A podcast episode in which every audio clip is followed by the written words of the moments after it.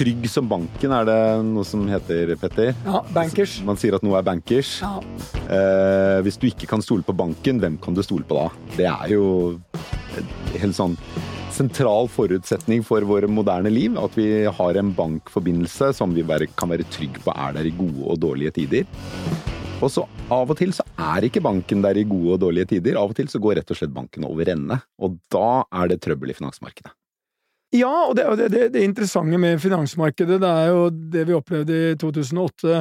Det at eh, det skjer én ting på andre sida av verden, um, som får umiddelbar effekt også uh, for uh, Norge. Mm. Og nå var den siste det som utløste nå, var den Silicon Valley Bank, som en relativt stor bank i Silicon Valley, som fikk problemer. Og plutselig så rysta det liksom eh, bokstavelig talt eh, en hel vestlig verden. Mm. Um, og det, så det vi egentlig snakker om, er jo liksom Temaet i dag er jo litt sånn bankkollaps. Bankrun. Ja. Uh, og bankrun, det er sånn alle drar til banken for å få ut alle penga sine. Mm. Um, og uh, vi har jo et, et fremragende uh, panel i dag. Vi topper laget som alltid, Petter. Ja. Vi er helt avhengig av å ha folk som har greie på det, sånn at vi kan nøye oss med å stille de dumme spørsmålene. I dag har vi Terje Erikstad, finansredaktør i Dagens Næringsliv. Velkommen til deg, Terje. Takk for det. En legende i norsk næringslivsjournalistikk. Det er hyggelig å høre. Jeg må ikke overdrive nå. Nei, altså du, du sto jo her og viste fram gullklokka. Ja. Det trodde jeg var et fenomen som var lagt ned for lenge siden. Ja, det Men han trodde jeg har ja, men en fysisk gullklokke. Du har en fysisk gullklokke. Ja. Har jo jobbet i Dagens Næringsliv i snart 33 år. Jeg har det, og jeg er veldig glad for at din far ansatte meg. Ja, han gjorde det. Ja, han gjorde det. Ja. Det var en, en stor redaktør å jobbe for. rett Og det var, du er en ansettelse han var veldig fornøyd Ja, men, vet men, jeg. bare, bare, jeg må bare avklare én ting, for det, siden vi har da Her har vi en som kan bekrefte. Er historien riktig at han mente en god journalist var en som lukta alkohol etter lunsj? Øl etter lunsj? Ja, øl etter lunsj? lunsj. Ja, Er det riktig? ja, altså det er jo litt sånn uh, myten, men uh, for å si det sånn, var det én som eh, var i stand til å jobbe etter lunsj, så var det Kåre Valbrakk, og han jobba seint og tidlig. Men han tok Så- en øl. Ja, det gjorde Han han. gjorde det. Han gjorde det, men, Ja, han gjorde det. men, men han var litt sånn at eh, hvis man tok en øl, så skulle man likevel klare å komme seg opp dagen etter og jobbe. Han var jo definitivt en helt om natten, helt om dagen-type. Helt klart. Ja, han var det. Det, er med, det, er, Det var der, imponerende, altså. Ja, men her har jo eplet falt langt fra stammen. Veldig langt fra stammen. det, uttrykket har vel aldri vært mer riktig. Nei, jeg var, jeg var helt i natt. Eh, Jeg, Ja, det jeg føler meg ikke veldig måten. helt i dag. Nei, men det er ikke på samme måten. Eh, Nei. Uttrykket eh, er vel basert på at du fester, ikke har sikkel fra barn. Det tenker ikke på samme måte. Nei, jeg var ute og festa i går.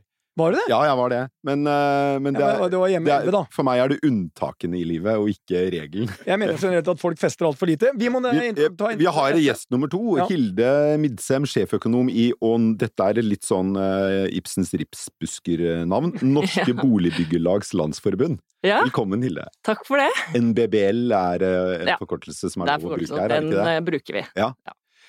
Dere, eh, sånn, en av dere må bare gi oss sånn, Hva er det som har skjedd de siste par-tre ukene? Som for dummies-versjonen av det. Hvem hadde dere lyst til å gjøre det? Eh, Jeg kan ta kortversjonen. Ja.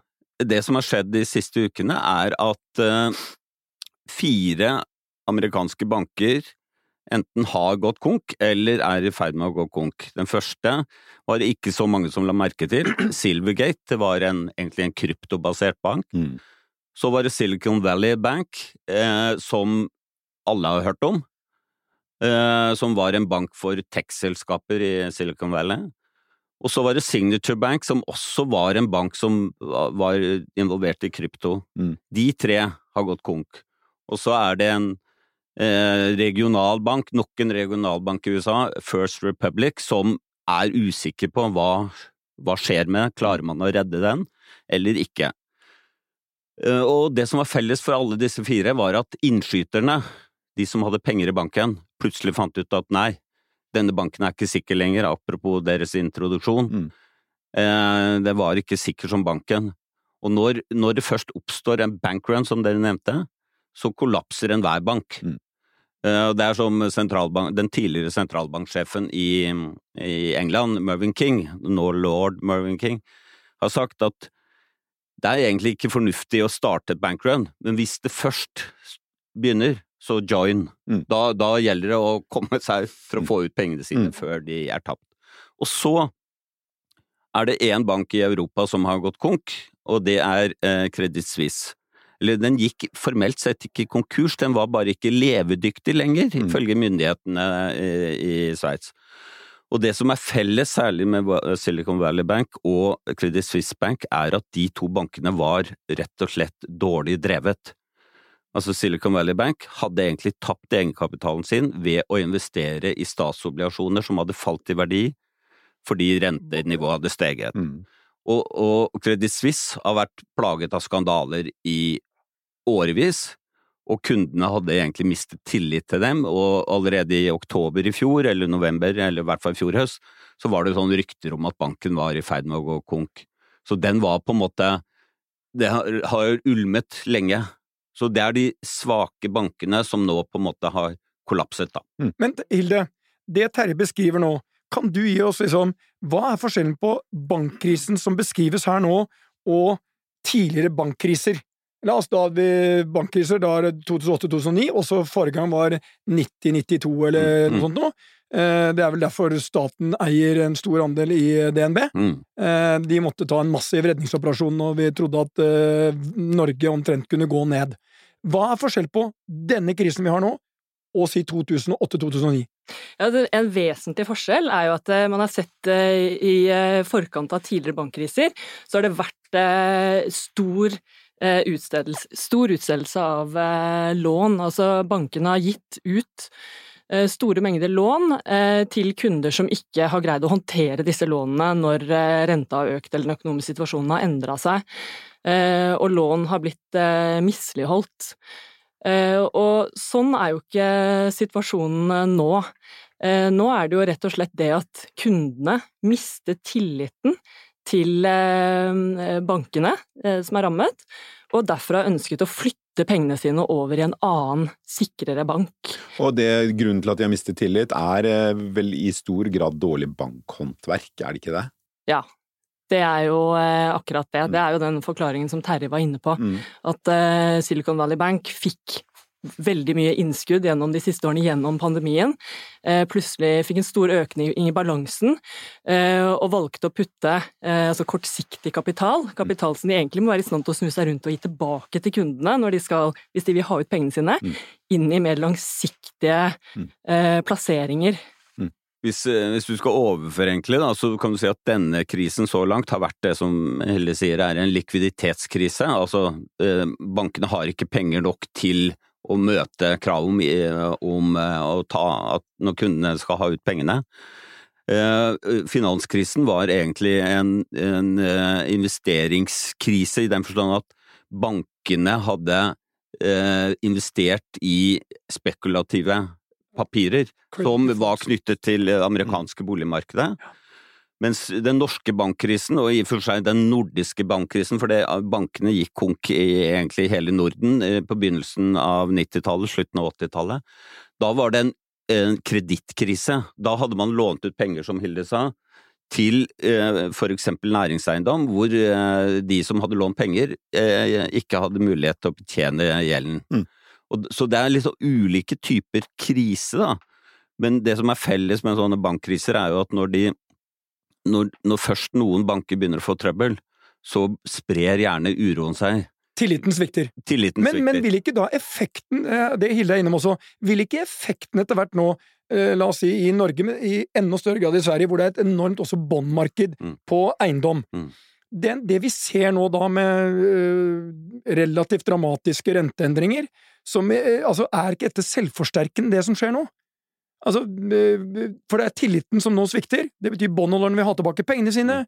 eh, marginene går rett i taket.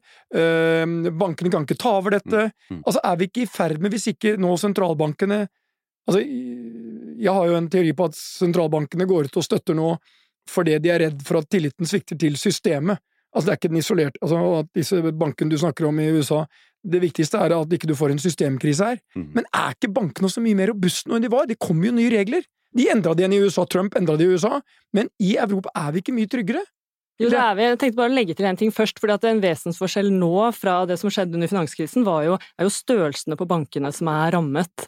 Eh, før finanskrisen så var det jo også vært en uheldig praksis blant de store bankene ved å gi ut lån som eh, ble misligholdt. Og nå er jo situasjonen litt annerledes og kanskje mer eh, oversiktlig. Mm. ikke sant? Foreløpig så er det først og fremst disse mindre bankene, såkalte regional banks, som er eh, eh, Ja, hvor skepsisen ligger da i forhold til Eh, Men jeg, jeg må stille et ligger. spørsmål til, eh, og eh, Terje, du må svare på det. Altså, det som skjedde, eh, og her eh, med svært beskjeden eh, kunnskap om dette, jeg var, jævlig, jeg var veldig overrasket over redningsoperasjonen som den sveitsiske sentralbanken satte i gang. eh, eh, når liksom eh, UBS skulle overta Credit Suisse. Der skjer noe som jeg aldri trodde kunne skje egenkapitalen som normalt skal vipes først, eller skal, gå først, den, det, den gikk liksom ganske mye, han ble beholdt. De beholdt penga sine. Så tok de hele båndgreiene, som var over 100 milliarder, som bare de nulla. Altså, hvordan er dette mulig? Ja, det er et veldig godt spørsmål, fordi eh, dette sendte jo sjokkbølger gjennom eh, finansmarkedene i Europa. Det er veldig spesialisert eh, marked vi snakker om nå. Vi snakker, altså En bank må jo ha egenkapital, og det er masse lovpålagte krav. Og Vanlig egenkapital er at en aksjonær eh, skyter inn penger. Men, men de har også lov til å ha noe som kalles fondsobligasjoner, som er på en måte en mellomting mellom gjeld og egenkapital. Men det teller med sånn regulatorisk i egenkapitalen. Og det var denne, akkurat de fondsobligasjonene, som var eh, en del av egenkapitalen til Credit Suisse, den, det ble nullet. Da burde aksjonærene vært nullet. Men jeg har en teori om hvorfor de aksjonærene ikke ble nullet. Fordi Credit Suisse måtte nylig hente inn fire milliarder sveitserfranc i ny egenkapital. Nesten tre milliarder av de kom ifra Saudi-Arabia, den statlige banken i Saudi-Arabia, og fra Qatar, statsfondet til Qatar. Jeg tror ikke sveitsiske myndigheter hadde veldig lyst til å legge seg ut med Saudi-Arabia og Qatar og nulle ut de aksjonærene bare få måneder, påføre dem et kjempetap og et prestisjenederlag de luxe. Så øh, øh, de prøvde seg på en sånn Infantino-variant. Fifa-presidenten, han liker eh, Saudi-Arabia, Qatar og de Så da, min teori er at de turte ikke å nulle aksjonærene. Og da må jeg bare liksom dra tilbake, du nevnte jo bankkrisen i Norge, eh, og hvorfor staten sitter med en tredjedel av aksjene i DNB. Det var at de tre største forretningsbankene i Norge var konk på begynnelsen av 90-tallet. Og hva gjorde staten? Jo, de nulla ut aksjonærene. Långiverne tapte ingenting. Innskytterne innskyterne tapte ingenting. Bankene ble rekapitalisert. Så ble de igjen børsnotert og solgt, de, og så beholdt de da en tredjedel av DNB. Men både Kredittkassen, som nå er en del av Nordea, Fokusbank, som nå er en del av Danske Bank, fortsatte å fungere. Mm. Og, og, og det var egentlig en veldig imponerende måte å løse en bankkrise på. Man brukte statlige penger, men de pengene fikk man tilbake da bankene ble solgt. For da hadde, da hadde man ordnet opp. Mens den uryddige måten eh, sveitserne gjorde det på, eh, skaper jo kjempeproblemer for norske. Vi i ja, Dagens Næringsliv skriver jo i dag om hvordan regionale banker i Norge får nå trøbbel med å hente inn den egenkapitalen de trenger, på grunn av sveitserne. Ja, eh, fordi mange, mange norske banker har jo grunnfondsbevis, Mm. som vel er en litt sånn variant av det du beskrev Credit Suisse hadde, er det ikke det? Du liksom, det, er, det er egenkapital, men det er ikke aksjekapital? Ja, altså, Er det en litt sammenlignbar type Nei, kapital? ikke helt, fordi, fordi en, en sparebank har egentlig ingen eh, Utgangspunktet hadde ingen aksjonærer. Nei. Sånn at eh, man, man De er eid av innskyterne. Ja, Ja. og så, sånn grunnfondsbevisene ble en slags sånn erstatning for aksjer. Sånn at du kan si at eh, både de regionale bankene er jo sånne tidligere er jo sparebanker som er børsnotert, Mm. Og så har vi forretningsbanken DNB, det er egentlig de store bankene i Norge. Mm. Og alle har den type fondsobligasjoner, som er egentlig noe annet enn aksjer, Mm. og grunnfondsbevis. Og det spesielle med det er at investorer kan låne penger til banken for høy rente, og så får banken lov til å telle med det som egenkapital. Mm. Og risikoen for å bli vipa ut, sånn som de ble, det, det, det er ikke ulovlig det sveitsiske myndigheter har gjort. Det står i dokumentet at de kan nulles, etter på en måte beslutning bare fra sveitsiske myndigheter. Men, men Hille, dette er jo det som er interessant her nå. Det er det som skjer da dels i USA, og det som skjedde eh, gjennom instruksjon av eh, sveitsiske myndigheter. Det vil jo påvirke rentebildet og risikoen. Hva tror du nå skjer med eh, norske renter som følge av dette? Og det er liksom, Delvis er det og så er det sånn Er dette, det vi opplever nå, også en funksjon av at vi dro til Altså, vi har hatt nullrenteregime, penger har vært gratis, lang periode, og så drar man til Har man dratt det for mye? For fort? Altså, har man, har man for å kontrollere dette, har man, har man tatt i for mye? Ja, Det er vanskelig spørsmål, altså. Dette er eh, det, nå, det, Jeg vet du ikke er orakel i Delfi, men det er veldig nære her nå. Jeg skal prøve. Altså det, det korte svaret mitt når det gjelder eh, Norges Bank her hjemme, tror jeg de vil holde stø kurs inntil videre. Eh, så er det jo veldig spennende i dag, fordi eh, Fed har jo en renteannonsering eh, seinere. Tidligere så har de jo varsla, altså før bankkollapsen, varsla at de skal eh, fortsette å øke renta etter kraftige renteøkninger det siste året. Så har det jo vært mer tvil nå. Jeg tror nok at de også der kommer til å fortsette, altså de kommer ikke til å gjøre noe helomvending i eh, rentepolitikken sin foreløpig. Og eh, det er to årsaker til. Altså, det er fortsatt eh, Sentralbanken må stagge inflasjonen i USA, som er for høy. Og samtidig så har det jo dukket opp da, denne usikkerheten. Ja, men vil ytterligere renteøkninger føre til at enda flere skjeletter detter ut i Mm. skapene, og skaper ytterligere finansiell uro i USA? Eh, men så er det dette, hvis de plutselig gjør en helomvending nå, og helt annet signalement enn de hadde ved forrige pressekonferanse, så tror jeg det bidrar til å skape ytterligere usikkerhet. Da det er å sende en beskjed om at dette her er skikkelig, skikkelig alvorlig, og det er ikke sikkert eh, det er heldig i det hele tatt. Men Terje, drar vi på med for mye medisin nå, sånn at vi tar livet av pasienten istedenfor å gjøre den frisk? Ja, altså, eh, ikke sant, Hvis vi sammenligner med tidligere finanskriser, sånn i 2008, da hadde sentralbankene rom for å sette ned renta kraftig. Da var det ikke noe inflasjonsproblem. Nå er jo renta satt opp fordi inflasjonen er mye høyere enn målet, på rundt 2% Så nå er problemet for, eh, for sentralbanken at de får da en finans, mulig finanskrise på toppen av en inflasjonskrise. Mm. Eh, og hva gjør du da? Det er som Hilde sier, at hvis du da velger å, å på en måte snu om, så sender du et signal om at nå er det skikkelig ille. Og da blir folk kanskje enda mer nervøse. Vi, hvis, vi, ja. hvis vi tar liksom de tre bankkrisene du nevnte i sted, Terje. Den som begynte på slutten av 80-tallet Ja. og varte til 92-93, Ja. eh, da du ble ansatt som journalist i Dagens Næringsliv. Og den i 2008-2009, Ja. og den vi har i dag. Ja. Så er det jo eh, Er det ikke riktig å si at det er større likheter mellom den første og den tredje? Ved at det er liksom underliggende endringer i realøkonomien som skaper trøbbel for bankene, mens den i midten, den 2008-2009, den var mer av sånn systemfeil i finansmarkedet i seg selv, som så skapte uro i realmarkedet. Ja, det tror jeg kan være en rimelig dekkende beskrivelse. Og det, det som gjør at eh, vi får disse problemene i de svake bankene nå, er jo nettopp renteoppgangen. Den høye, raske, kraftige renteoppgangen. Og ikke for å, liksom, at det skal spå en finanskrise, men ny forskning viser, som vi omtaler Jeg må få lov til å legge inn en liten reklame for vår Ja, egen podkast. Ja. Finansredaksjonen i DN. Vi, En utmerket podkast du er med på hver uke. ja da. Den har nettopp publisert, publiserte en, en sak hvor vi snakker om blir det finanskrise.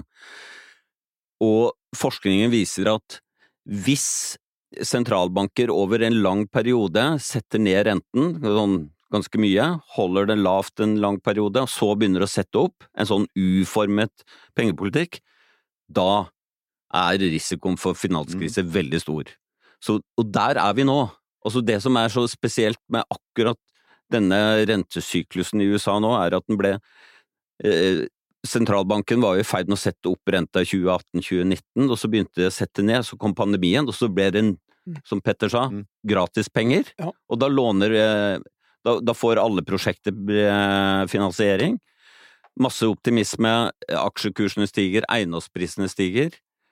Eh, og så, når da, sånn som vi får nå, når inflasjonen da eh, tar av, så må sentralbanken stramme til. Og da er det mange av disse prosjektene som ikke har livets rett, som ikke tåler eh, en så høy rente som vi har nå.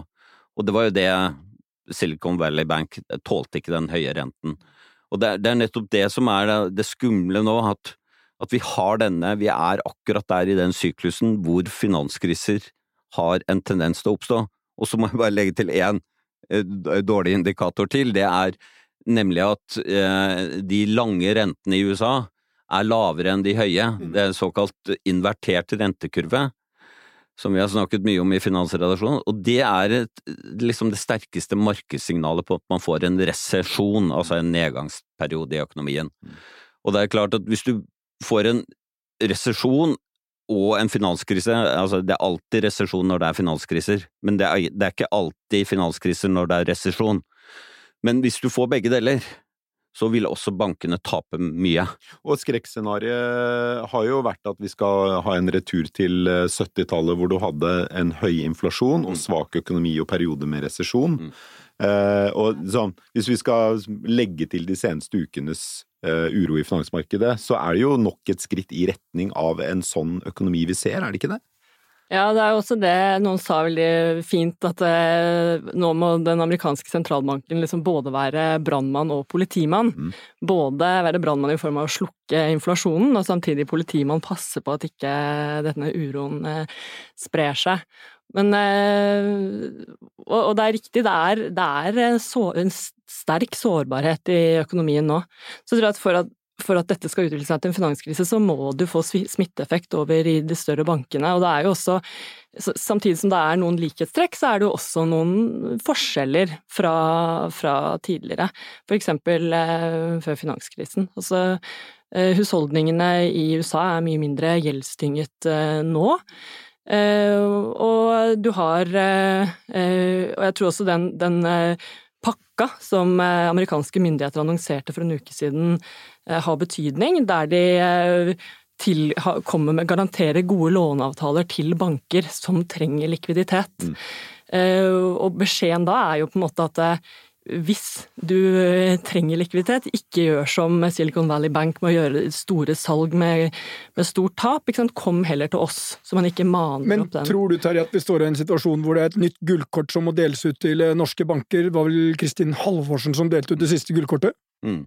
Altså, det er som Hilde sier, det, eh, i USA har allerede myndighetene delt ut gullkortet til bankene, ja. i den forstand at de kan komme til sentralbanken og få låne penger med de verdipapirene de har som sikkerhet, og ja. til pålydende verdi, og ikke markedsverdi, som nå er langt under pålydende. Og det var jo i prinsippet litt det samme mm. Kristin Halvorsen som finansminister gjorde i samarbeid med Norges Bank, nemlig at når bankene hadde gode boliglån, så kunne de få lov til å pantsette dem og få penger i, fra sentralbanken. Og det, det, grunnen til at man måtte gjøre det i Norge i 2008-2009, eh, dette kom i 2009, det var jo at norske banker var avhengig av finansiering i utlandet. Og da ble, det, da ble det vanskelig fordi banker ellers. Er, de låner av hverandre. av hverandre. Det stoppet opp. Det stoppet opp. Og da, da måtte man uh, tilby uh, norske banker en annen type finansiering. Uh, men, men det, er, det, er jo, det, er, jo, sånn at norske banker er mer solide nå ja. enn de var den gangen. De har for det første mer i egenkapital. De har lengre innlån Altså, en bank er jo en, en merkelig, eller ikke merkelig, men en risikabel konstruksjon per definisjon. Fordi vi forlanger jo å kunne ta pengene våre ut umiddelbart mm. når vi har penger i banken, men samtidig så vil vi gjerne ha et boliglån som varer i 25 år. Mm. Så, så, banken er på en måte nødt til å gi oss penger umiddelbart, mens de ikke kan kreve at vi skal betale tilbake lånet umiddelbart. Men, men, men det er sånn, vi, vi, vi, igjen, vi må ta dette tilbake noe enkelt. Så hva faen skal du putte penga i da? Ja. Du skal ta ut øh, lånet, skal du putte det under madrassen, skal du kjøpe bitcoin, eller øh, hva faen skal du gjøre? Du må jo ha de penga et sted! Ja, og da er jo da er det, det som alltid er den trygge havnen i sånne situasjoner, er jo statspapirer. Altså at du låner penger til en sikker stat. Og, og den, Men du kan ikke gå ut og kjøpe statspapir? Nei, men man kan kjøpe for eksempel eh, eh, andeler i, i fond fond ja, ja. som investerer i statsobligasjoner. Er det det du ville investert i nå, hvis du Altså, Du er ikke bekymra for penga du har i banken nå? Nei, altså poenget er at eh, i norske banker, eh, altså, og det er det jo sånn er det jo i USA, så er det jo sikret innskudd opp til to millioner kroner. 250 000 dollar her I USA. Ja.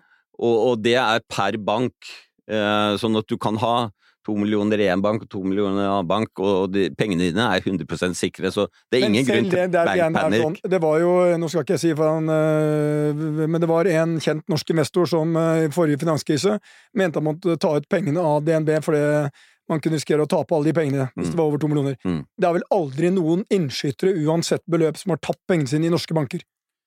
Ja, nå, nå må jeg innrømme at det, det kan jo være i gamle Ja, ja, men dager. er moderne, så, I moderne tid. Selv 90-92 så tapte du ikke innskuddene dine. Du gjorde ikke det. Uavhengig av størrelse. Det er ikke noe Ja. det er ikke, altså Hvis du plutselig nå, da, jeg vet ikke åssen det er avlønning her, men si at du hadde hatt eh, tre millioner i DNB, Mm. du hadde ikke vært bekymra for den millionen du har over. Nei, det hadde jeg absolutt ikke vært. Bra. Er ikke det jeg, jeg, Det er en god uh, avslutning på denne podkasten, Petter. altså, eh, Skal du grave mer? Ja, jeg graver litt. Bare, bare, bare noen få sekunder til. Altså, eh, jeg husker jeg lærte om Philips-kurven. Det var en som fortalte meg at den er helt død. Nå er den definitivt tilbake. Det har Pengetrykkingen har eh, altså nådd eh, et nivå fra 2008 og fram til i dag som er helt voldsomt. Er og vi må ha et svar av de. Hva er dere forventer nå eh, på eh, kort, mellomlang sikt? Hva Dere må komme med en viss spådom. Hva står vi overfor de neste seks til tolv månedene? Ok, la oss si om tolv måneder. Om tolv måneder. Hvor står vi da? Ja, neste vår, sommer, hvor er vi da? Vi Da- bare så, for Finanskrisen i 2008 var basically ferdig før sommeren 2009, og den var voldsom. Men Altså, nå må du ikke legge føringer i spørsmålet ditt, uh, Hilde. Nei, jeg er optimist foreløpig, og det optimist fra min side innebærer at jeg tror at om et år så har vi litt høyere ledighet, vi har litt lavere aktivitet i økonomien. Eh, Eller kanskje ikke har lavere aktivitet, men lavere press i økonomien. Og at inflasjonen forhåpentligvis er på vei ned. Altså at ikke vi står i noen eh, krise. Ok. Jeg bare har lyst til å bare dra litt historie her. Altså, i, i, kort, kort tilbake. Altså, 2022 ble det mest vanvittige historie i norsk, øh, mest vanvittige året i norsk økonomisk historie. Norge som land har aldri tjent bedre penger enn det vi gjorde i fjor. Altså, det er helt utrolig. Mm. Mens folk flest oppfatta at det var et øh, Pengene strakk ikke til på grunn av inflasjonen, men staten håvet inn penger. Så vi har verdens mest solide stat. Men det er, er ikke nødvendigvis sånn at det hjelper oss gjennom alle kriser. Men vi er eh, i en situasjon hvor vi har eh, høy sysselsetting, inflasjonen er på vei ned, og veldig mye av inflasjonen har eh, vært forårsaket av høye energipriser. Både oljepris og gasspriser faller. Det betyr at staten tjener mindre penger, men inflasjonen og vi, for oss, går ned. Så vi må innstille oss på litt høyere rente, eh, inflasjonen kommer ned, sånn at det ser ikke superdramatisk ut, jeg er enig med Hilde der, men, men eh, den store eh, mennet her er om dette faktisk blir en finanskrise, og der er risikoen først og fremst USA, fordi det var der denne pengetrykkingen gikk mest bananas, og det var der ting ble blåst mest opp. Og eh, jeg tror liksom det som skjer i amerikansk økonomi, det er veldig dominerende for hva som skjer i i resten. men- Jeg må bare få lov å korrigere meg selv, for jeg lurer på om jeg sa at jeg tror det er litt lavere ledighet om et år. Sa jeg det? I så fall så mener jeg at høyere. ja, Du ledigheten kommer litt opp, ikke sant. Du har en avmatning, men, eh, men at ikke vi står i noen krise. Og forhåpentligvis fortsatt tro på en myk landing. Det er den korte det. oppsummeringen. Det er du, bra. du, traff, du har telemarksnedslag der. Ja, ja, ja, nei, ikke tenkt på det. Takk Men jeg for har én pris. Per pakker sammen her. Jeg har én siste ting. Så må dere forklare meg. Nå har vi vært igjennom, og det er altså hver dag du åpner Dagens Næringsliv, det er ikke grenser for hvor dystert det er. Uh, og uh, legenden som er her, har jo vært med på uh, å eh, fjule det bålet. Så, og nå er igjen snakker vi om liksom vi står i en krise. Forklar meg da følgende. Hvorfor ser vi i Ving, som tar basically nesten samtlige nordmenn som skal til sine én til to beste uker i året, hvorfor har vi rekordbookinger? Det går som toget. Vi har aldri sett mm, sånne bestillinger. Til sommeren! Eh, hvorfor toger det bra på i eh, hotellselskapet Kysten med Hurtigruta? Altså, for meg er det sånn, hvis dere har rett, at det er har, Folk er bekymra, og det man leser i avisa er riktig. er er sånn, jeg leser avisa, blir bekymra, ser på tallene og salgene i Ving og Choice og alt og Hurtigruta, og blir glad. Terje, fortell meg med alle bekymringene hva som skjer. Nei, jeg har egentlig eh, jeg har skrevet om det, at eh, jeg hadde en tittel eh, på en kommentar Det er grunn til litt optimisme, eller hva med litt optimisme? For poenget er at eh, her skal jeg ikke ta ansvar for eh, pessimismen hos folk. Jeg har vært litt forundra over hvor pessimistiske eh, husholdningene har vært. Målingene har vært liksom på Ja. rekordpessimisme. Ja, men hallo, de fleste har jobb. Eh, Ja, inflasjonen er litt høyere, men det er jo ikke Verden går jo ikke under. Sånn at, eh, men jeg lurer på liksom om, om på en måte det, det har handlet om dette uventede sjokket og all den, det fokuset på strømpriser og så videre, som har skapt en, eller annen slags forestilling om at det går skikkelig ille. Det går ikke skikkelig ille i norsk økonomi. Det gjør ikke det. Det vi har snakket om nå, handler jo om at finansielle markeder kan på en måte ødelegge for oss. Eh, og, og det er ikke sånn at den krisen som eh, finanskrisen i 2008 skyldes norske forhold, den skyld, hvis den ødelegger for oss, så er den fordi den kommer utenfra og smitter over på oss. Ja, jeg tenker Vi må huske at vi har fortsatt svært lav ledighet i Norge. Det er bare litt over halvannen prosent som står utenfor, eh, uten jobb, og det er det laveste på over, fortsatt lavest på over ti år. Og i løpet av året, altså fra våren 2021 til våren 2022, så hadde vi en helt formidabel jobbvekst i Norge. Det kom 100 000 flere i jobb. Det skal vi ikke undervurdere betydningen av. Og så skal vi ikke undervurdere at eh, staten, det er oss. Og selv det lille selskapet i Stavanger, der ved hovedkontor Petoro, leverte 540 milliarder, det var leverte, som ikke engang vi snakker om. Men vi diskuterer om vi skal ha strømstøtte på liksom x antall fåtall milliarder. Altså, vi er gjeldfrie, har verdens største oljefond, og penga spruter inn. Så eh, jeg vil oppsummere, Per, før du tar det siste ordet. Eh, og da skal jeg ta et eh, Det står vel i Bibelen, her er jeg på ekstremt tynn is. Eh, verden kan bare gå under én gang, og ifølge disse to fantastiske vi har hatt her i dag, det skjer ikke denne gangen heller. Nei. Det er jo problemet med å ha en podkast i Norge, da, og prøve å spre liksom mismot og bekymring. Fordi det er grenser hvor gærent det kan gå i Norge. Jo, men altså, det, det, det, se på Sverige. Men- Sverige har ekstremt lav statsgjeld, og har alltid klart seg bra. Ja. Danmark altså det, altså, det går bra i de nordiske landene. Ja, vi, og ikke eh, minst, ikke glem én ting. Det kom nå den derre happiness-indeksen. Hvem er de lykkeligste menneskene i verden, i hele verden? På topp var igjen Finland, og så var det Danmark og Island og Norge hadde gått fra åttende til syvendeplass. plass. Lykkeligst i verden sitter i verdens rikeste land. Det er ingen grunn til bekymring. Jeg vil eh, si som Terje optimistene som bygde dette landet, ikke pessimistene. Da kan eh, pessimist eh, Valbrok oppsummere. Jeg er optimist. Er, er du optimist? nå? Ja, eller jeg later som. Nei, men det, vet du hva, vi bare runder av, vi. Terje Erikstad, eh, finansredaktør i Dagens Næringsliv, og Hilde Midtsem, sjeføkonom i NBBL. Tusen takk for at dere kom i studio, og så snakkes vi igjen neste uke, Petter. Det gjør vi.